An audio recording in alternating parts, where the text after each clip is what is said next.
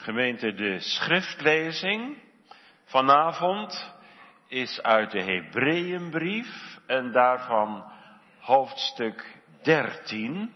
We lezen het hele hoofdstuk. De schriftlezing is Hebreeën 13. Dat de broederlijke liefde blijven. Vergeet de herbergzaamheid niet, want hierdoor hebben sommigen onwetend engelen geherbergd. Gedenk der gevangenen, alsof gij medegevangen waart. En dergenen die kwalijk gehandeld worden, alsof gij ook zelf in het lichaam kwalijk gehandeld wordt. Het huwelijk is eerlijk onder allen en het bed onbevlekt. Maar hoereerders en overspelers zal God oordelen. Uw wandel zij zonder geldgierigheid en zijt vergenoegd met het tegenwoordige. Want hij heeft gezegd, ik zal u niet begeven en ik zal u niet verlaten.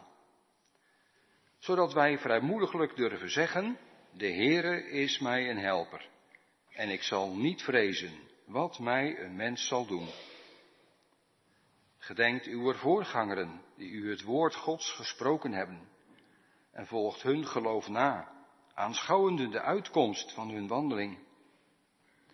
Jezus Christus is gisteren en heden dezelfde en in der eeuwigheid. Wordt niet omgevoerd met verscheidene en vreemde leringen, want het is goed dat het hart gesterkt wordt door genade, niet door spijzen, door welke geen nuttigheid bekomen hebben die daarin gewandeld hebben. Wij hebben een altaar van het welk geen macht hebben te eten die de tabernakel dienen. Want welke dierenbloed voor de zonde gedragen werd in het heiligdom door de hoge priester, dezelfde lichamen werden verbrand buiten de legerplaats.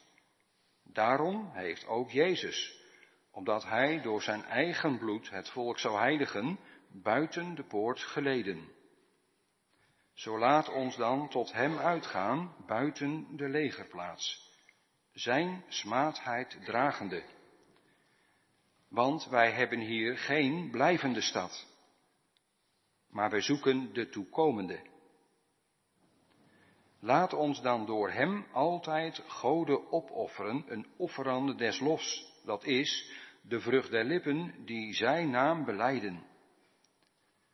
En vergeet de weldadigheid en de mededeelzaamheid niet want aan, zo, want aan zodanige offeranden heeft God een welbehagen. Zijt uw voorgangeren gehoorzaam en zijt hun onderdanig, want zij waken voor uw zielen als die rekenschap geven zullen, opdat zij dat doen mogen met vreugde en niet al zuchtende, want dat is u niet nuttig. Bid voor ons, want wij vertrouwen dat wij een goed geweten hebben, als die in alles willen eerlijk wandelen. En ik bid u te meer dat gij dit doet, opdat ik te eerder uw lieden mogen wedergegeven worden. De God nu des vredes, die de grote herder der schapen door het bloed des eeuwigen testaments uit de doden heeft wedergebracht, namelijk onze Heer Jezus Christus, die volmaken u in alle goed werk, omdat gij zijn wil moogt doen, werkende in u hetgeen voor hem welbehagelijk is, door Jezus Christus, de welke zij de heerlijkheid in alle eeuwigheid. Amen. Doch ik bid u, broeders, verdraagt het woord deze vermaning, want ik heb u in het kort geschreven. Weet dat de broeder Timotheus losgelaten is, met welke, zo hij haast komt, ik u zal zien. Groet al uw voorgangeren en al de heiligen, uw groeten die van Italië zijn. De genade zij met u allen. Amen. Gemeente, de tekstwoorden voor deze oudejaarsdienst vindt u in de schriftlezing, Hebreeën 13 en dan in het bijzonder in vers 14 waar de apostel schrijft, want wij hebben hier geen blijvende stad, maar wij zoeken de toekomende stad, kan je dan aanvullen. Want dat is de bedoeling. De pelgrimstocht van het leven van een christen. Iedere christen is pelgrim. Tijdelijk. Dat is een pelgrim. En dat waren de mensen aan wie de apostel schrijft. In het bijzonder. Ze werden soms verjaagd en verdrukt. We letten op drie uitgangspunten, drie, drie kapstokhaken. In de eerste plaats letten we op de uittocht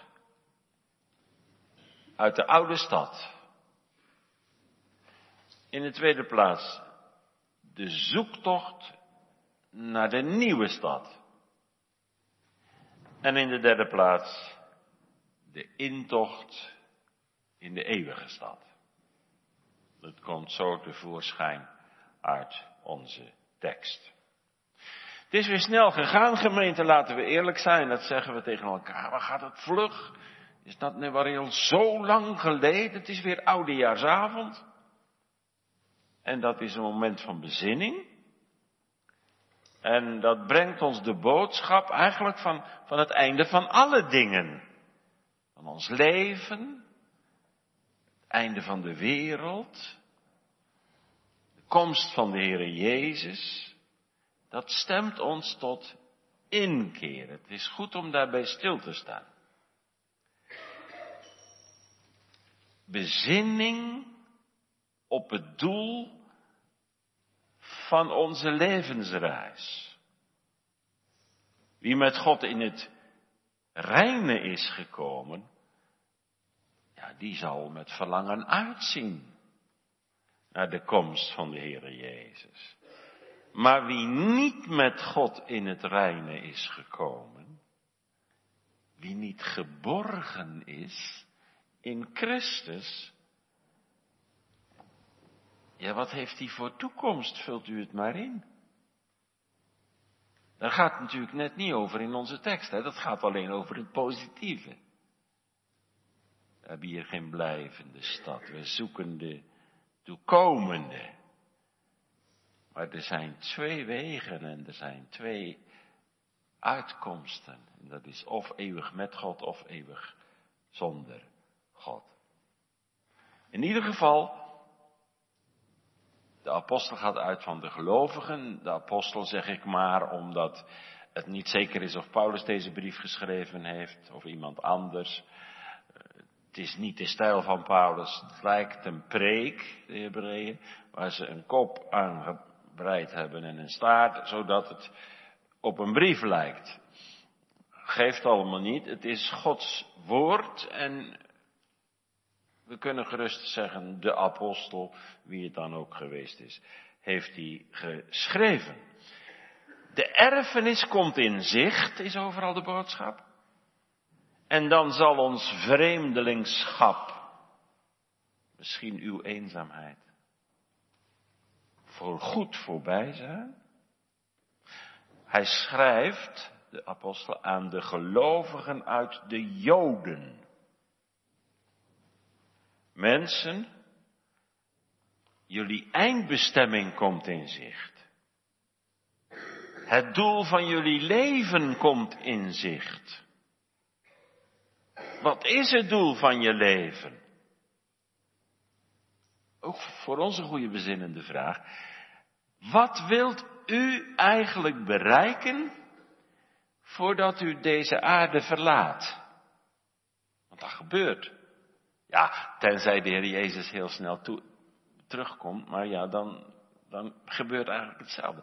Wat wil je dan gedaan hebben? Wat vind je nou belangrijk? Wat geef je nou prioriteit? Stel dat je nog een paar jaar te leven hebt. Wat zou je dan nog graag voor elkaar brengen? Of ontvangen? Of doen? Of, of voor werken? Heeft dat te maken met je, met je baan, welvaart, genot, rijkdom? Eer? Of kun je zeggen, nou, wat ik nog graag zou doen, dat is meer God verheerlijken. Hem eren. Want ons leven gaat voorbij als een schaduw, zegt de Bijbel. Dit jaar is voorbij gevlogen. Onze doden zijn ons ontvallen. We hebben daar net even aan gedacht en bij stilgestaan en ieder had bepaalde namen in zijn hoofd. Soms door een ernstige ziekte, soms door een langdurige ziekte, soms door een plotseling ongeluk, maar ze zijn er niet meer. Wat is ons leven eigenlijk onzeker? En ook onze toekomst is onzeker. Als je om je heen ziet, zie je veel angst, verlies. En dan denk je, hoe zal het met mij gaan? Misleidende geesten gaan ook rond. Complotdenkers zoeken ook hun aanhang. Maar een christen weet, ik ben reizend naar de stad. Waar Christus het licht zal zijn. Over welke stad zou onze tekst het nou hebben? Dat is klinkklaar duidelijk, dat gaat over de stad Jeruzalem. Jeruzalem, de moederkerk, ook van het christendom. En volgens de Joodse uitdrukking de navel van de aarde. Jeruzalem. Jeruzalem was de plek waar heel veel Joden woonden, toen het evangelie door de apostelen verkondigd werd, toen Jezus daar was. Mensen, Joden die tot het christendom waren overgegaan, waren er ook veel. Denk maar aan de Pinksterdag, 3000, 5000, 7000, veel priesters en het groeide en het groeide maar. Mensen, de gemeente bestond uit eh, mensen die allemaal een Joodse achtergrond hadden. En daar is deze brief aan de Hebreeën voor bedoeld. Heel veel toespelingen worden daarop gemaakt. Vanuit de eredienst, het oude Israël. De schrijver van deze brief richt zich vooral op de tijd van de woestijnreis eigenlijk. Die beelden komen steeds naar voren. Toen de tabernakel er nog was. Het oude tentheiligdom. En zo krijg je bijna de indruk alsof er geen tempel is. Dat was natuurlijk wel zo. Want naar alle waarschijnlijkheid is deze brief geschreven voor 70 na Christus, toen Jeruzalem verwoest is. En dan zegt onze tekst, wij hebben hier op aarde geen blijvende stad. Maar we zoeken de toekomende. Wij weten niet wat dit nieuwe jaar ons zal brengen. De toekomst is onzeker. Dat is zo in het wereldgebeuren. Er kan van alles gebeuren. Opeens hebben we ook meegemaakt in het afgelopen jaar. Denk alleen maar om die ontwikkelingen rondom de oorlog in Oekraïne. Maar het geldt niet minder voor ons persoonlijk leven. Dat er opeens iets kan gebeuren wat heel je leven verandert. De vastheid bij alles wat voorbij gaat en de vergankelijkheid is duidelijk. Alles ligt in handen van God, die op de troon zit. In de Heer Jezus, van wie we gelezen hebben, Hij is gisteren en heden dezelfde en tot in eeuwigheid. God is onveranderlijk. Dat is een levend begrip betekent vooral hij is trouw. Trouw aan zijn woord, trouw aan zijn belofte, trouw aan zijn goede tierenheid.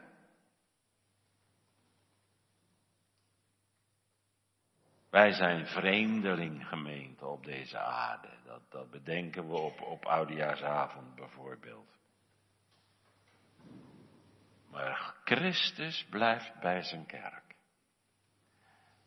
En wij als christenen hebben een dure roeping. Hoge roep, roeping. Wij zijn pelgrim. Geen blijvende stad, op weg zoekend naar de toekomende stad. Vreemdeling. Eens was ik een vreemdeling, dicht McChain. En dat gold ook degene aan wie deze brief in eerste instantie is gericht. Joden die christen geworden waren. En dat had nogal wat gevolgen hoor.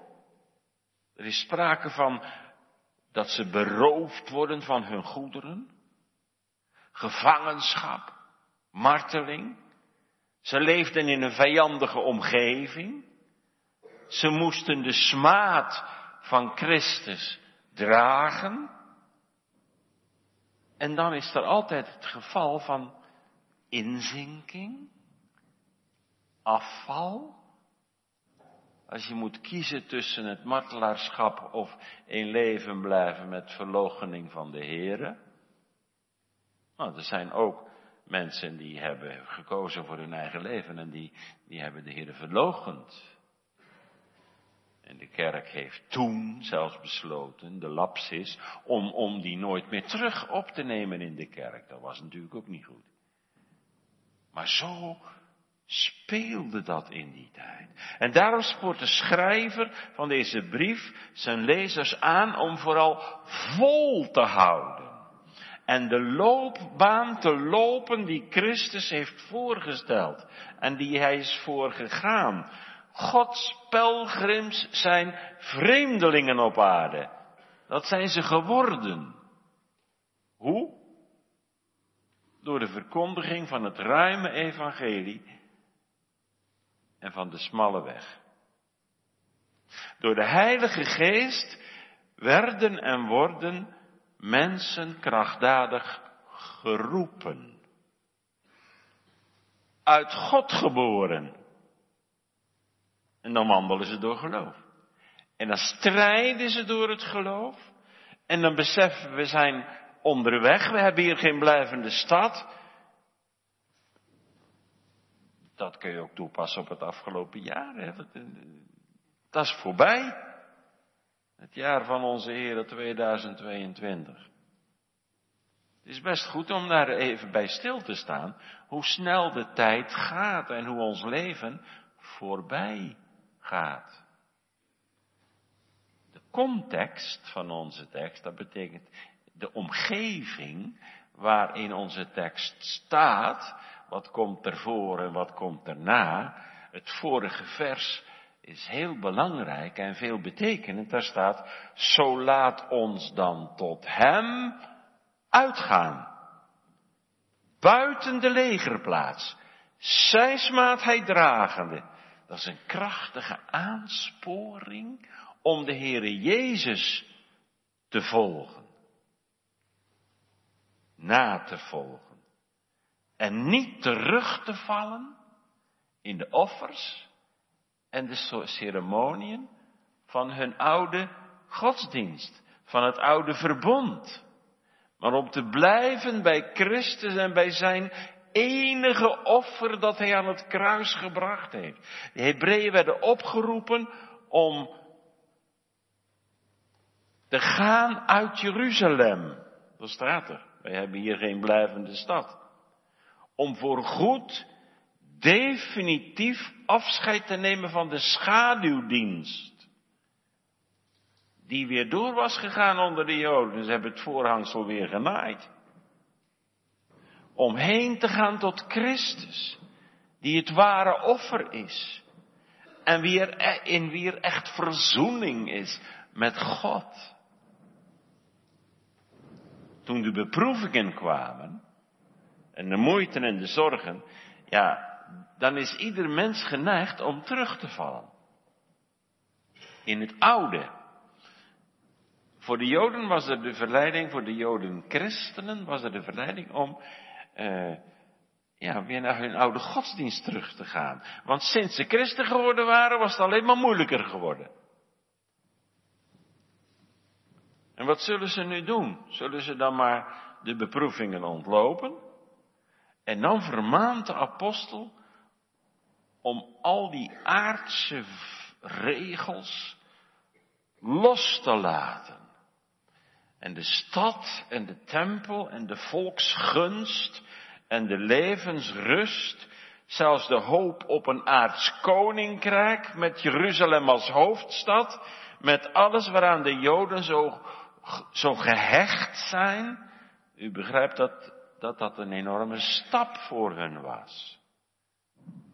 Ga tot hem uit, buiten de legerplaats. Want daar, buiten de legerplaats, daar stond het kruis. En daar was Jezus. Daar ging het over Jezus. Het offer. Zijn bloed. Zijn liefde. Dat hij borg is. Dat hij ons ontfermt over ellendige mensen. Het kruis. Jezus, ga daar maar heen, zegt de apostel. De Hebreeën zullen net als de Heer Jezus, vervolgd worden. Ze zullen ook zijn smaadheid dragen. Het dragen van de vernederingen en de vervolging en de schande en de laster. Zijn smaadheid dragen.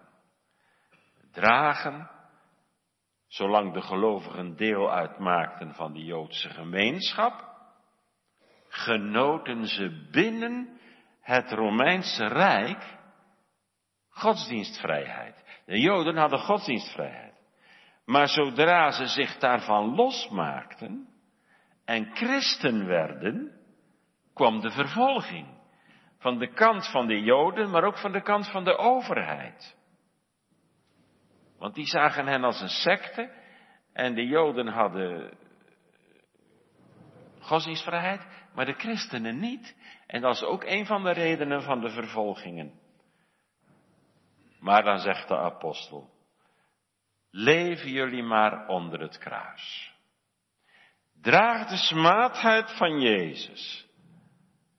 Straks komt de kroon. Nu de smaad, straks de heerlijkheid.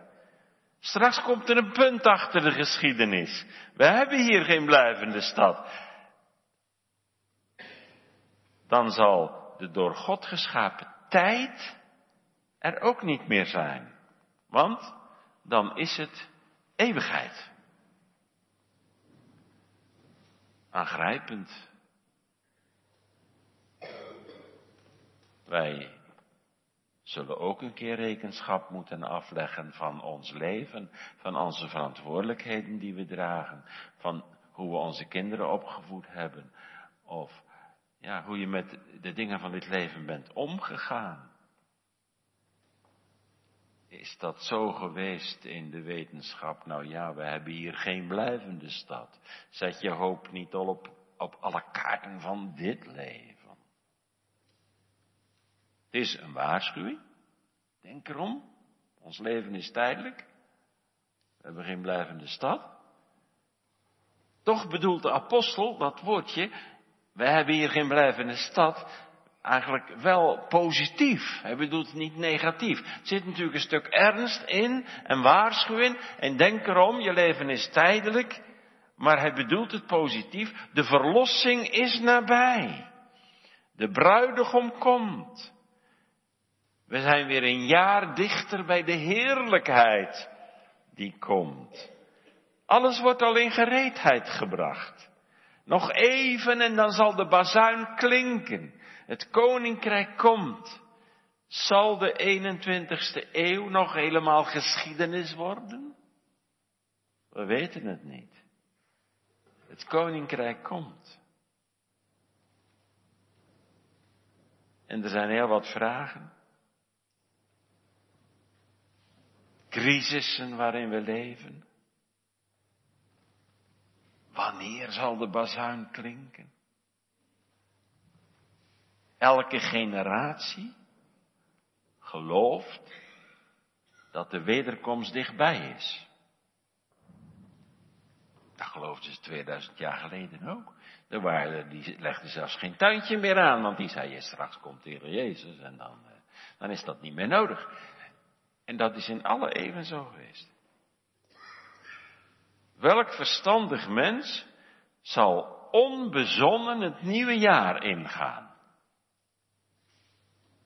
Je bezint je op de geschiedenis, op de loop van de geschiedenis, op je eigen leven, op je toekomst, op de toekomst van de wereld.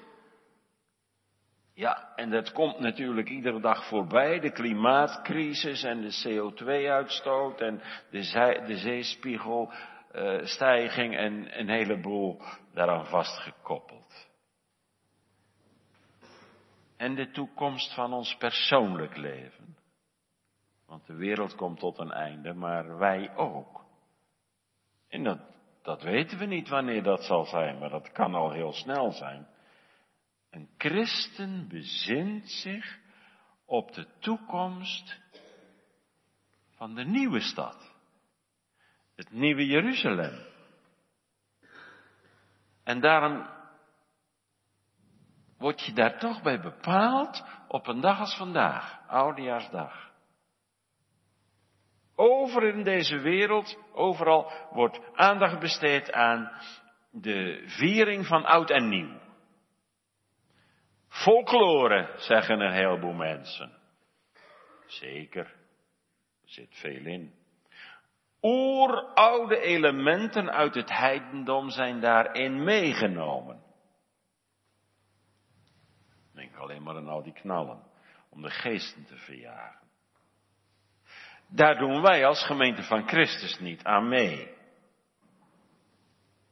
Aan brasserijen, zegt Paulus, en dronkenmansliederen en lallend feestgedruis, dat hoort bij de wereld zonder God.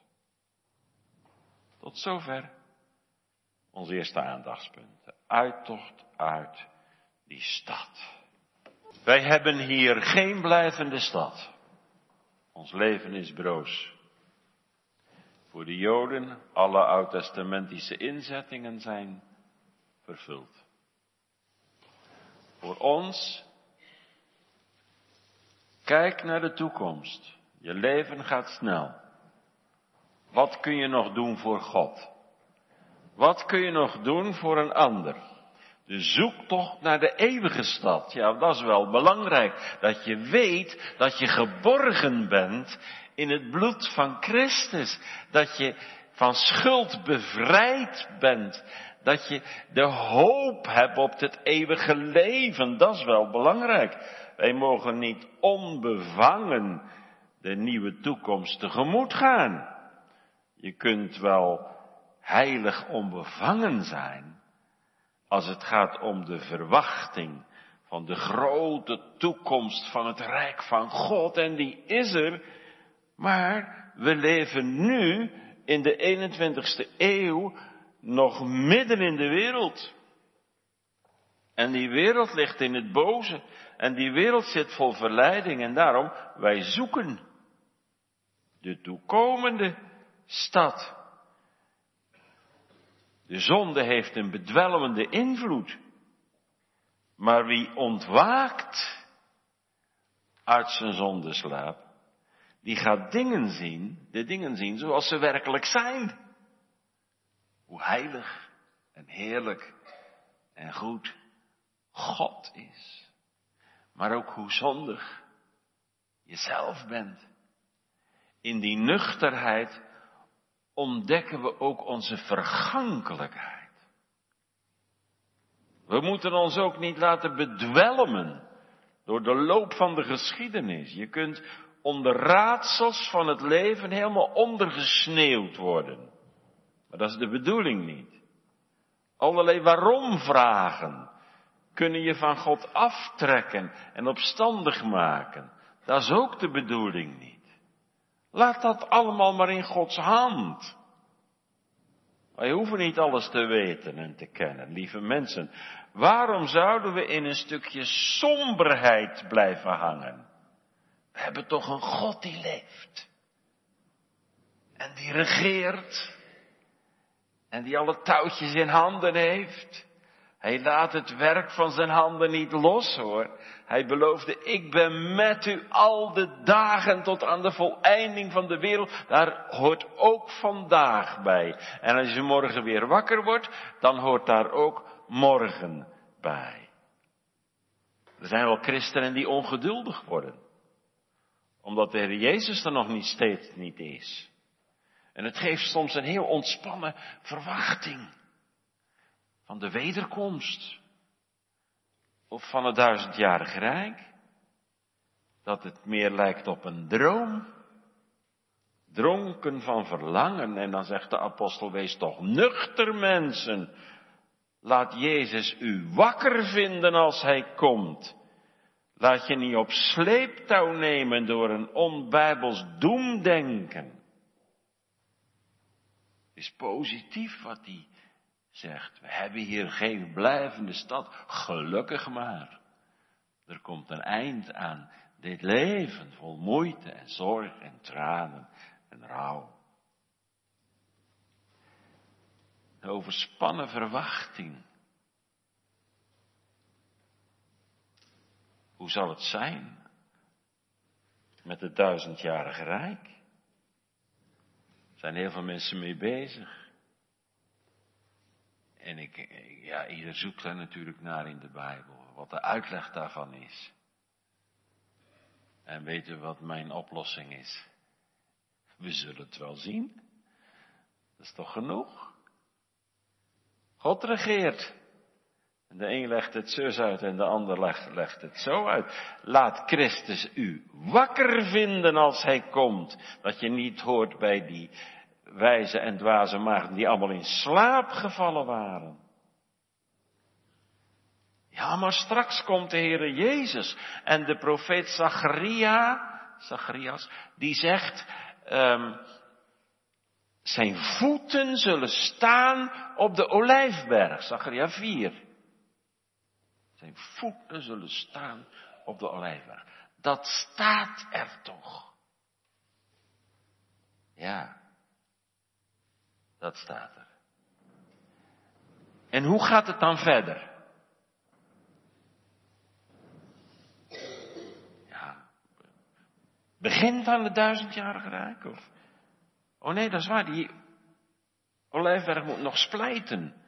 En er moet nog een oorlog komen. En dan zullen soldaten elkaar ontmoeten. Ja, maar als Jezus nu op de olijfberg komt, is dan de bekering van het Joodse volk. Vaak hoor je dat hij dan voor eeuwig als koning zal gaan zitten op de troon van David in Jeruzalem. Maar waar blijft dan de oordeelsdag? En de loutering van de schepping door het vuur van Gods toorn over de zonde. Het aardse Jeruzalem is tijdelijk. Geen blijvende stad. De toekomstige stad daalt van God neer uit de hemel. En het nieuwe Jeruzalem is de bruid van Christus. Nou, dan kan je beter je tijd steken in de vraag, hoor ik daarbij? Bij de bruid van Christus. Heb je een levende relatie met God? Door de Heere Jezus Christus. Ben je echt op zoek naar die nieuwe stad, die komende stad. Want niets op aarde is blijvend, zegt de Bijbel. Ook Jeruzalem niet. Ook de tempel niet. Maar die zal in 70 na Christus verwoest. Maar ook de oud-testamentische eredienst niet. Alles wat hoort bij deze bedeling draagt het stempel van de vergankelijkheid. En daarom spoort de apostel hen ertoe aan om het niet te zoeken de dingen die beneden zijn maar de dingen die boven zijn. waar Christus is. We hebben hier geen blijvende stad, maar we richten ons op de toekomende stad. Die blijvende stad, je zou ook kunnen zeggen dat was het paradijs. Maar dat is er niet meer. Of moet ik zeggen, dat is er nog niet. Maar het komt weer. Het paradijs. Er worden veel, veel lijnen getrokken naar openbaring in het paradijs van God. Dat dat alles te maken heeft met de komende stad. Als wij zoeken naar de blijvende stad,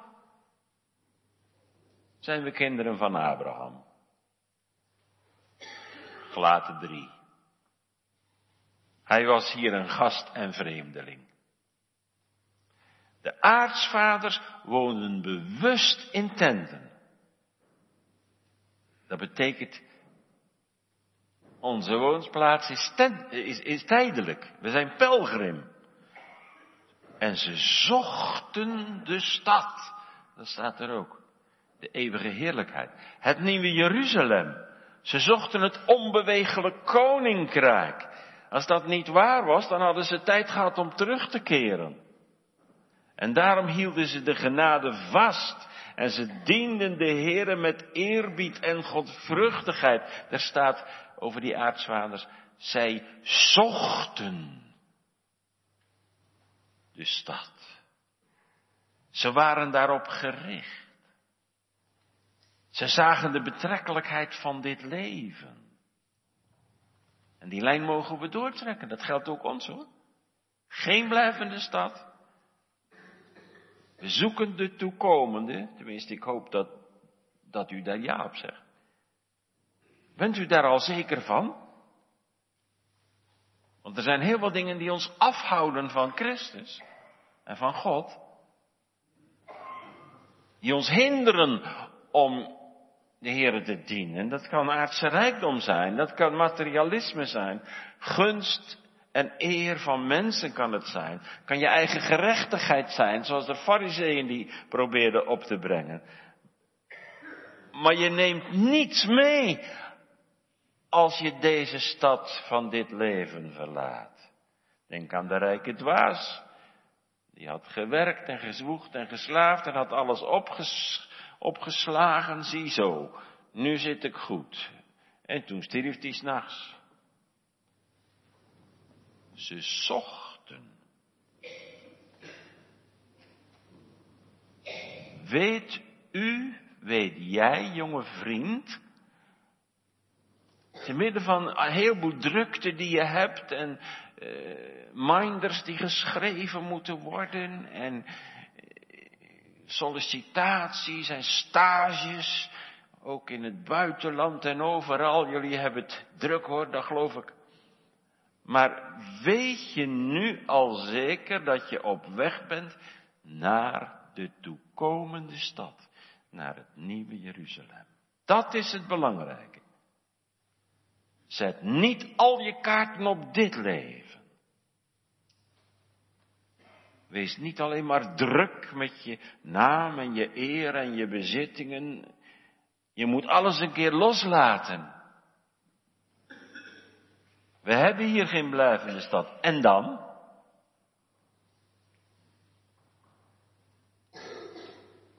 Gemeente, jong en oud. Wij zoeken de toekomende, zegt de apostel tegen de Joden die christen geworden waren. Maar weet je, de koning zoekt ook jou. Jezus zoekt ook jou. Ik sta aan de deur en ik klop. Hij zoekt je door de verkondiging van het heilige evangelie. Hij zoekt jongeren en ouderen. Hij zoekt mensen die hem aanbidden en die hem willen navolgen en die zijn evangelie doorgeven in deze wereld. Hij zoekt mensen die zijn lof gaan vertellen en die God gaan eren. Wat doet de mens eigenlijk op aarde? Wat doet een ware prediker op aarde? Nou, God groot maken, dat is onze taak. en de Heer Jezus aanprijzen. Want alleen door Hem en door het geloof in Hem en de omhelzing van Hem en de zekerheid dat je geborgen bent in Hem, alleen daardoor wordt God verheerlijkt. Dat is tot eer van God. God groot maken. En dan mag ik als prediker en alle collega's in binnen- en buitenland en wereldwijd en evangelisten in de donkerste oerwouden, dan mogen we allemaal zeggen, zie, het lam van God, dat de zonde van de wereld wegneemt. Hij is de enige troost en de enige hoop. En hij zoekt ook vanavond het verlorene. Degenen die nog verloren zijn. Zou je er geen zin in krijgen om deze God te dienen? Ja, maar dan mag je een hoop dingen niet meer. Dat is helemaal niet waar. Dat wil je niet meer dan. Dat wil je niet eens meer. Je krijgt er veel mee voor terug. De liefde van God in je hart, de vrede van God in je hart. Dat je straks het oude jaar mag af, afsluiten op je knieën voor mijn part of als gezin in gebed. En dat je God mag prijzen, Heer, wanneer komt u om recht te doen in deze wereld. Laat het gewicht van de eeuwigheid maar wegen op je hart. Want voor je het weet sta je voor God. De kerk der eeuwen gelooft toch ook in de wederkomst ten oordeel. En daarom is de boodschap, heb de Heere lief. Zoek de Heere en leef. Dat geeft zoveel rijkdom en vrucht. De belofte van de Heer is in de schrift neergelegd. Wie mij, wie mij gelooft, die zal leven.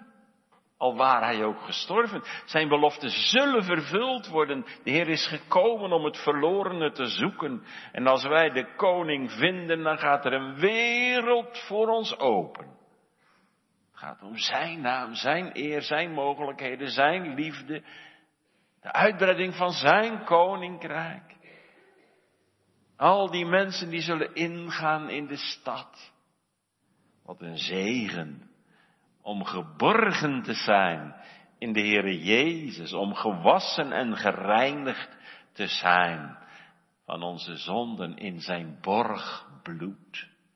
Wat een heerlijke levende hoop om te weten, ik ben op weg naar de toekomende stad en ik zal daar zeker aankomen. Het betere vaderland, het blijvende Jeruzalem dan kom je eenmaal thuis. En dat is het derde aandachtspunt. Uittocht, zoektucht, intocht. De uittocht uit de oude stad, de zoektocht naar de toekomende stad en de intocht in de eeuwige stad. Daar loopt het leven van al Gods kinderen op uit. Alle pelgrims komen thuis. De vreemdelingen en de bijwoners krijgen een vaste woonplaats. Jezus heeft hier ook maar tijdelijk gewoond. Dat is die belangrijke tekst uit Johannes 1, weet je wel. Hij heeft onder ons gewoond, zegt de Statenvertaling. En er staat in Grieks getabernakeld, zijn tent opgeslagen. En dat is weer dat tijdelijke. Drieënhalf jaar heeft hij hier gewoond, getabernakeld. En Paulus zegt in Filippenzen 3 vers 20, onze wandel zij in de hemelen, waaruit wij ook de zaligmaker verwachten, namelijk onze Heer Jezus Christus. En dat woordje wandel, ja, dat kan heel goed vertaald worden met burgerschap. Polituima staat er. En dat is, dat is duidelijk een, een gemeenschap, een burgerschap. Ons burgerschap is in de hemel. Dat betekent eigenlijk domicilie. Je geboortebewijs ligt in de hemel. Daar ben je thuis. Daar hoor je. Iedere mens leeft naar de toekomst. Maar welke toekomst, gemeente? Denken jullie daar ook aan, ouderen? En natuurlijk ook onze jongeren. Het vaderland. Dat woordje polytuima uit de Filipijnse brief is een begrip. In Filippi was een kolonie van Romeinen. Daar woonden Romeinse burgers en zo wil Paulus zeggen, hebben de gelovigen een vaderland in de hemelen. En zij vertegenwoordigen hier op aarde het koninkrijk van Christus. Wij zijn zijn lichaam. En hij is het hoofd. geloof ziet verder dan deze genade. Het burgerschap wat al in de hemelen is, maar ik ben nog op aarde. Maar straks komt de eeuwige stad. Dan is ieder mens rechtvaardig en heilig en goed. Dan is er geen voedselbank meer nodig en geen vluchtelingenwerk meer nodig en geen dokter en geen kerk en geen begrafenisondernemer. Alle burgers van de toekomende stad zijn volmaakt. Geen dood meer, geen tranen meer, geen ziekte meer, geen zonde meer. 2 Korinthe 5 vers 1. Wij weten dat ons aardse huis van deze tabernakel gebroken wordt en dat wij een gebouw bij God hebben, niet met handen gemaakt, maar eeuwig in de hemelen. Dat wordt je huis en dat wordt je stad, dat wijst meer op vastheid, zekerheid, veiligheid. De stad heeft fundamenten en muren. Daar komt geen vijand binnen. Daar ben je eeuwig jong, gezond, zalig, rein, heerlijk, gelukkig. Nou, breid het maar uit. En dat alles door de genade van God, doordat Hij buiten de legerplaats gestorven is en dat verdiend heeft. Hebben en zoeken is ook iets wat verschillend is. Hebben, dat is zekerheid. Geen blijvende stad. Dat hebben we absoluut niet, Heer. We blijven niet eeuwig op aarde, gelukkig maar. En dat zoeken, dat wijst op krachtsinspanning. Wij zoeken de toekomende stad. Niet wij wachten af of we daar misschien komen, maar wij zoeken het. Dat, dat eist krachtsinspanning van u, van mij en van jou. Ja, maar het is genade. Ja, maar niet zonder onze krachtsinspanning, niet zonder ons zoek. De genade maakt ons zoekend, de genade maakt ons strijdend. Ziet u hoe dat helemaal met elkaar vervlochten is? U wordt echt ingeschakeld als het gaat om bij zoekende toekomende stad. Beleeft u dat ook? Oudejaarsavond 2022. Ja, er zijn heel wat zonden te beleiden. Als je terugziet op het afgelopen jaar. We hebben ook alle reden om God te danken. Voor wat Hij gaf. Onze zorgen nemen we mee het nieuwe jaar in. Maar stel dan je vertrouwen op God voor de toekomst, vol van hoop in de nacht van strijd en zorgen. God zal geprezen worden als u uw vertrouwen stelt op Hem.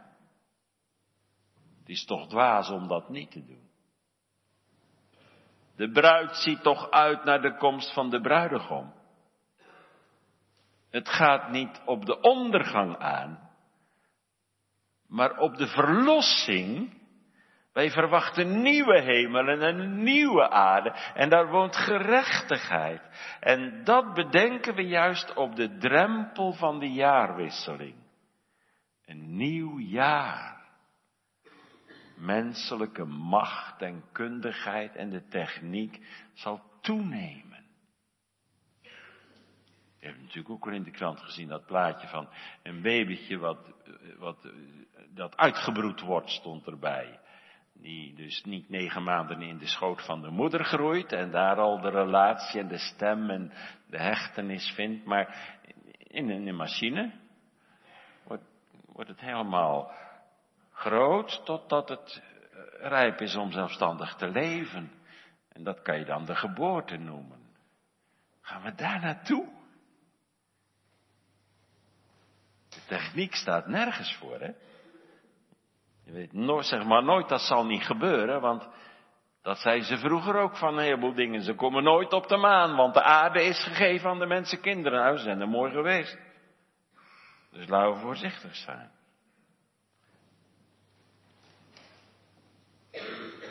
Tegelijkertijd met al die techniek en kunst, wetenschap, waar we best kritisch ons uh, denken over mogen laten gaan, gaan er steeds meer lichten uit. Doven, de duisternis wordt steeds erger. In Europa, christendom gaat naar de marge en het heidense denken floreert.